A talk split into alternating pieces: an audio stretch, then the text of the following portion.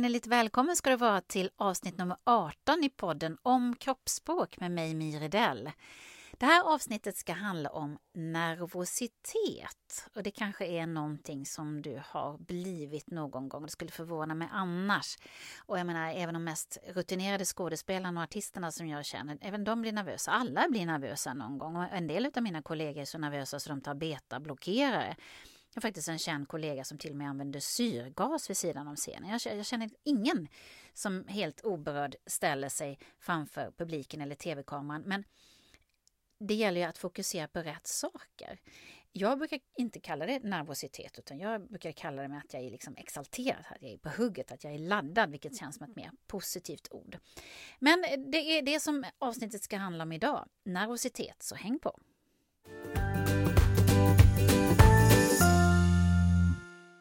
Någonting som gör väldigt många människor nervösa, det är ju det här att tala inför andra. Och jag ser det nu i de här nya sammanhangen med digitala videomöten och webinars och sådär, att väldigt många människor är ovana vid det här nya och blir väldigt nervösa inför att se sig själv, att höra sig själv på ett helt nytt sätt.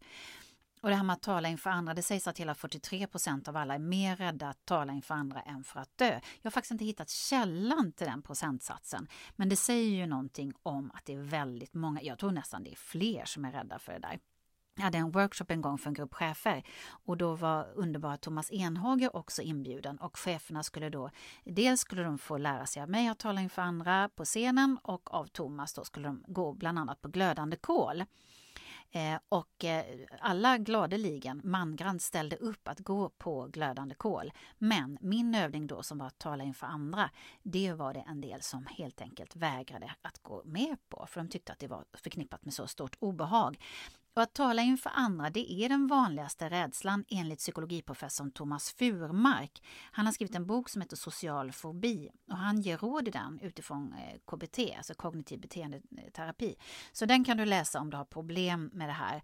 Och eh, Thomas Furmark och hans kollegor de forskar i det här med social fobi och talängslan och så vidare. Och eh, enligt deras undersökningar då upplevde en av fyra eh, alltså 25 procent, att det är rejält obehagligt att tala inför andra.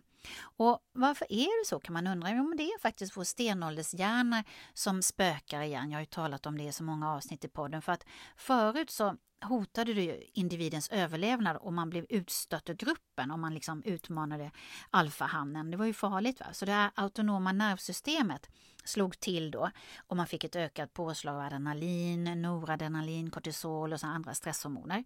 Och den här gamla stenåldersreaktionen i hjärnan på det här hotet att tala inför andra, tala inför en annan grupp människor, det fyllde en funktion då att man inte skulle bli utesluten ur gruppen, men det är helt jäkla värdelöst nu. Nu behöver vi ju kunna resa oss upp och tala inför andra. Eh, så att eh, vi får öva på det här helt enkelt. Eh, den en kvarleva från urminnes tider att reagera. Men ju mer man övar på någonting desto bättre blir man. Och eh, du vet också som har lyssnat på den här podden att det enda man kan mäta är eh, tecken på behag och obehag. Det är det man kan se på kroppsspråket. Och tecken då, kroppsspråkliga tecken på obehag kopplat till nervositet är till exempel om en person leker med håret, det är oftast jag när jag blir nervös, tar sig i nacken, då har vi många nerver, gnuggar händerna, man vidrör ansiktet, man blinkar alldeles för mycket, man blir torr i munnen, eh, axlarna uppe vid öronen, man vill skydda sig själv, man kan få handsvett och så vidare. Så att, eh, och apropå handsvett, jag var ju med i 2008 i Let's Dance, det är ju evigheter sedan. Men i ett nummer där så skulle vi ha eh, sån här hatt och käpp. Och då är det liksom över en och en halv miljon tittare och jag menar när man är i replokalen så är man inte speciellt nervös. Och min partner Johan Andersson och jag vi övade på det här liksom käppen och hatten och det gick ju jättebra. Men helt plötsligt så då blev jag jättenervös när det var direktsändning. Plats på scen för Miridell och då fick jag någonting som jag aldrig brukar ha. Jag fick handsvett och det är ju inte så bra när man ska hålla på och fibbla med någon pinne. Och den här handsvetten slog till och då tittade jag på Johan helt skräckslagen och då hade han också fått handsvett. Så att, eh, och jag tänkte herregud hur ska det nu gå liksom. Ehm, men det gick ju någorlunda bra ändå. Eh, för att det är ju så att bara 10% av din upplevda nervositet syns utåt enligt forskarna. Och det är faktiskt så att när jag har haft sådana här workshop Och jag har spelat in folk som har talat och sen när de får se sig själv efteråt så säger de att de ser ju mycket lugnare och säkrare ut än hur de upplevde det inombords. Inuti var det som ett stormande hav. De nä kanske nästan fått blackout och inte har kommit ihåg vad de har sagt. Men när de får se sig själv filmade så ser de att de upplevs som mycket lugnare eh, än vad de har känts sig. Det är därför man inte tror på någon kollega som, som man frågar Åh, hur var jag? Det där gick väl inte bra? Och kollegan säger ja, men du verkade jättelugn. Och då tror man inte på den personen för man har upplevt någonting annat. Så det gäller att bara utsätta sig för att tala inför andra, utsätta sig, öva och, och återigen retorik och presentationsteknik. Det tycker jag man ska införa direkt i skolorna på schemat som ett ämne. För det här ställer ju väldigt höga krav på oss nu. Jag menar det är digitala, vi ska liksom vara, framträda digitalt in i kamera vi ska stå på scenen och, och så vidare. Så att det här behöver vi ju kunna och det här behöver vi träna på för att bli ännu bättre. Eh, mental träning kan man ta till. Idrottsmännen de ser ju ofta sig själva för sitt inre. Till exempel hoppa över en ribba om det är höjdhopp innan de hoppar. Så att de ser det och framförallt så känner de det inom sig först känslan av att lyckas. Och det där kan man implementera i sitt vardagsliv, att man, liksom, man tänker och känner det innan det är mental träning. Att man ska skapa minnen av framtiden. Jag menar, till och med Ingmar Stenmark såg sitt bästa åk framför sig. När han liksom sa, nej det är bara åk. Men, men sen när han blev lite mer talför så berättade han liksom att han såg åket inom sig och åkte liksom först i det mentala och sen kastade han sig ut. Så mental träning är inte längre mambo jumbo. Vi har väldigt duktiga mentala tränare i Sverige. Eh, Kjell Enhager och Thomas Enhager som jag nämnde innan, Olof Relander och, fram, och sen är det ju giganten, förgrundspersonen i Sverige, Lars-Erik Unestål. Han är ju världsberömd eh, för sin forskning i ämnet och har skrivit massa spännande böcker om du är intresserad av det här med mental träning.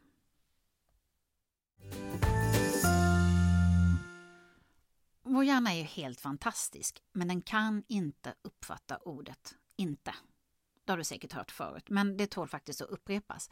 Om jag säger tänk inte på en rosa elefant, då blir det helt omöjligt för dig. Eh, för att då måste du först göra dig en bild av hur en rosa elefant skulle se ut och sen ska du alltså inte tänka på den, men då har du ju redan tänkt på den.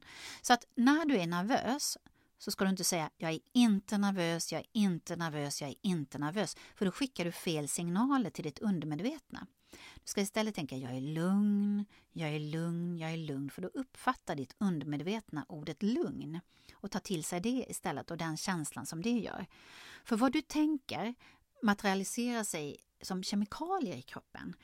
Det vi tänker bildas neuropeptider som skickas ut i kroppen Neuropeptider är en proteinliknande molekyler som framställs i hjärnan. Och positiva tankar sprider goda, nyttiga neuropeptider och hormoner medan upprepade negativa tankar skickar ut onyttiga. Och vi kan ju godtyckligt välja våra tankar och när vi då känner positiva känslor så sätts kroppens kemikaliefabrik igång och producerar goda kemikalier som endorfiner och serotonin och oxytin. Och redan Buddha sa ju, med våra tankar skapar vi vår verklighet. Och eh, då kan du faktiskt ta till en annan eh, del som idrottsmän gör. Det är att skaffa en trigger. Men eh, om man tittar på idrottsmän så gör de ju oftast rörelser innan de gör det de ska. Jag menar, känt är ju Stefan Holm till exempel. Han, gjorde, han drog i sin tröja på ett speciellt sätt. Kommer du ihåg det? Och Carolina Clifton slog sig på benen. Och, och det kallas för triggers. När de gör sådär så ger de signaler till kroppen att nu gäller det. Och Det kan ju du också implementera i ditt liv. Du kan ju skapa din egen trigger som säger till dig liksom ja, nu jäklar är det dags. Eh, och eh, en annan del när det är att tala inför andra, eh, det är att för att undvika att bli nervös, vara så förberedd som möjligt. För den här känslan av att du är så förberedd som möjligt gör att du kan bli mindre nervös. Du har koll på ämnet, du har koll på tekniken och nu i digitala världen, du har koll på ditt wifi, du har liksom testat ljudet, du har testat eh, kameran, allting. Sen kan det ju ändå gå fel. Men eh, tänk på då vad Churchill sa, det finns ingenting som kräver så mycket förberedelse som till synes eh, oförberett tal. Jag menar, många som verkar sådär spontana och bara har det, de har ju verkligen förberett sig. Det vet man ju inte eh, innan hur mycket de har lagt ner på det här. Men det, konsten är att det ska framstå som spontant och levande. Och jag menar tekniken kan ju strula ändå, men att man försöker då och behålla lugnet. En, en fråga som jag får eh, när det handlar om nervositet det är ju det här med att eh, man tycker det är jobbigt för att man rodnar när man blir nervös. Och det gör man ju för att det här, eh, man, man, får upp en puls och man får upp blodcirkulation och sådär. Och rodnaden den är ju inte lätt att kontrollera. Förberedelserna kan vi göra och man kan testa wifi och alltihopa. Men rodnaden den slår ju bara till och det är ju en av de delarna i det autonoma nervsystemet som inte kan kontrollera. Det är ju väldigt beklagligt. Och när män frågar det så brukar jag faktiskt hänvisa till en brittisk undersökning som visar att kvinnor till och med tänder på rödbrusiga män som har en liten lätt rodnad för det signerar välmående och dominans. Eh, att det är tecken på att de är alfahannar med hög testosteronhalt står det i den rapporten. Så det kan ju vara bra att veta om man blir lite rodnande och tycker det är jobbigt. Eh, dock gäller det att inte bli högröd i ansiktet för det signalerar ilska och aggression. Och Sen är det ju så att sin egen rodnad är det ju ofta bara en själv som reagerar över. Jag menar omgivningen tycker inte, det är ju ingen som dömer dig för att du rodnar när du blir nervös. Och om man är då rädd för att bli generad och röd i ansiktet och att det upptar totalt ens tankar, då kan man ju bli väldigt blockerad utav det. Och då man kan liksom eh, börja eh, skruva på sig och bli stel och konstig. Och de här andra icke-verbala tecken som man skickar ut. Och det, är liksom, gud vad, vad gör människan? Vad, vad håller den på med? Då upplevs man som ännu mer nervös och ofokuserad. Så att rädslan är ju egentligen bara en tanke och den existerar bara i ditt huvud. Du kan testa med att fråga dig, vad är det värsta som kan hända? Om då svaret är att rodna, men är det så farligt då? Jag menar, är det någon som dömer dig på grund av din rodnad? Blir ditt framförande bättre eller sämre för att du är röd eller blek om kinderna? Är det egentligen så farligt? Och skulle du själv döma någon eh, som du såg rodnade? Förmodligen inte. Eh, och ett annat tips är att väldigt många blir flammiga på halsen. Det har ju också det här med ökad blodcirkulation att göra vid nervositet. Och, och då kan man ju, om man vet med sig och tycker det är jobbigt, då får man ju dölja det med någon polotröja eller någon scarf eller liksom något höghalsat så att man inte behöver känna sig osäker för det. Att man liksom försöker tänka på vad är det som brukar slå till när jag blir nervös och försöker eh, hjälpa sig själv. Till exempel jag då som, som när jag blir nervös så får jag ju hoppande knän. Det är därför jag aldrig föreläser i kjol. För man vet liksom inte när det slår till så att säga. Så att man får hjälpa sig själv på alla möjliga vis. Andra saker som kan hända när vi blir nervösa det är att vi är väldigt torra i munnen. Det kanske du har märkt. Och istället för att då dricka hela tiden som kan ge ett nervöst intryck Bit dig själv lite i tungspetsen, för då avsöndras saliv. För det här med att dricka hela tiden, det kan ju ge ett nervöst intryck. Och väldigt många använder ju liksom vattenglaset som en snuttefilt som de går till i tid och otid. Så att försök undvika det, utan ett litet bett i tungspetsen så kommer det igång igen. Det gör vi ofta på teatern. Vi kan ju inte gå av mitt i en scen och säga liksom ursäkta, jag ska bara gå och dricka.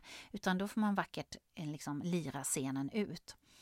Använd sköna kläder, ha inga nya kläder som känns obekväma eller någon kjol som du står och drar i eller någonting som känns obekvämt. Sköna skor är också att rekommendera eh, och gärna skor som du kan gå i. Eh, inte för höga klackar om du inte är van vid det. Eh, för det blir jobbigt om man, om man blir nervös och får hoppande knän eller något sånt där. Tacka alltid ja till smink. Eh, vad menar jag då? Jo, för om du är med i tv eller något starkt ljus i någon eh, digital eh, inspelning eller någonting då ser man konstig och grå ut. Eh, och, eller flammig då om man blir nervös. Så att, och det kan ju faktiskt smink åtgärda. Jag menar inte att du ska supersminka dig men använd lite puder eller någonting så att du framstår som ditt bästa jag i rutan. Eh, och apropå det så ha inte små mönstrade eller små rutiga kläder i bild om du är med och inte heller röda kläder för då ser du ännu mer rödmosig ut. Eh, och ehm, Vet du med att du får mycket armsvett så ha en kavaj eller någon kofta eller någonting som döljer det. Så, vi, så slipper du tänka på det att oj oj oj undrar om mina svettringar syns eller inte. Och om du har otroligt problem med din talängslan och din nervositet så kan man faktiskt gå en kurs i presentationsteknik. Kontakta mig gärna om du är, är intresserad. Eller så, om du tycker att det är så jobbigt som att, så att det blir ett riktigt socialt handikapp, då kan man gå i i KBT, kognitiv beteendeterapi. För det finns faktiskt sätt att, att råda bot på det här med att eh, vara nervös och speciellt det här med att tala inför andra. Och det här med det autonoma nervsystemet, men det, är, det är ju väldigt mycket som vi inte kan styra där. Vi kan inte styra pupillernas storlek och, och, och knäna som hoppar och, och, svetten kan vi inte styra heller, även om det vore praktiskt. Det enda du kan styra och som kan hjälpa dig när du blir nervös, det är ju andningen. Det är det enda i det autonoma nervsystemet som vi kan ha kontroll över. Så känner du att det här är ett väldigt stort problem och även om du bara tycker det är ett litet problem, det lönar sig alltid att lära sig medveten andning. Genom meditation, genom yoga eller praktisera mindfulness eller något sådant. Och lär dig att ta ordentliga andetag. Så att eh, det är mina tips när det gäller nervositet. Eh, mer tips i boken. Den finns på Bokus och Adlibris eh, och också mer tips hur man talar inför andra. Kapitlet eh, är slut för idag. Avsnittet är slut för idag och ehm, vi hörs nästa vecka. Två avsnitt kvar så har vi kommit upp i 20 stycken som jag har utlovat. Så stay tuned så hörs vi om en vecka.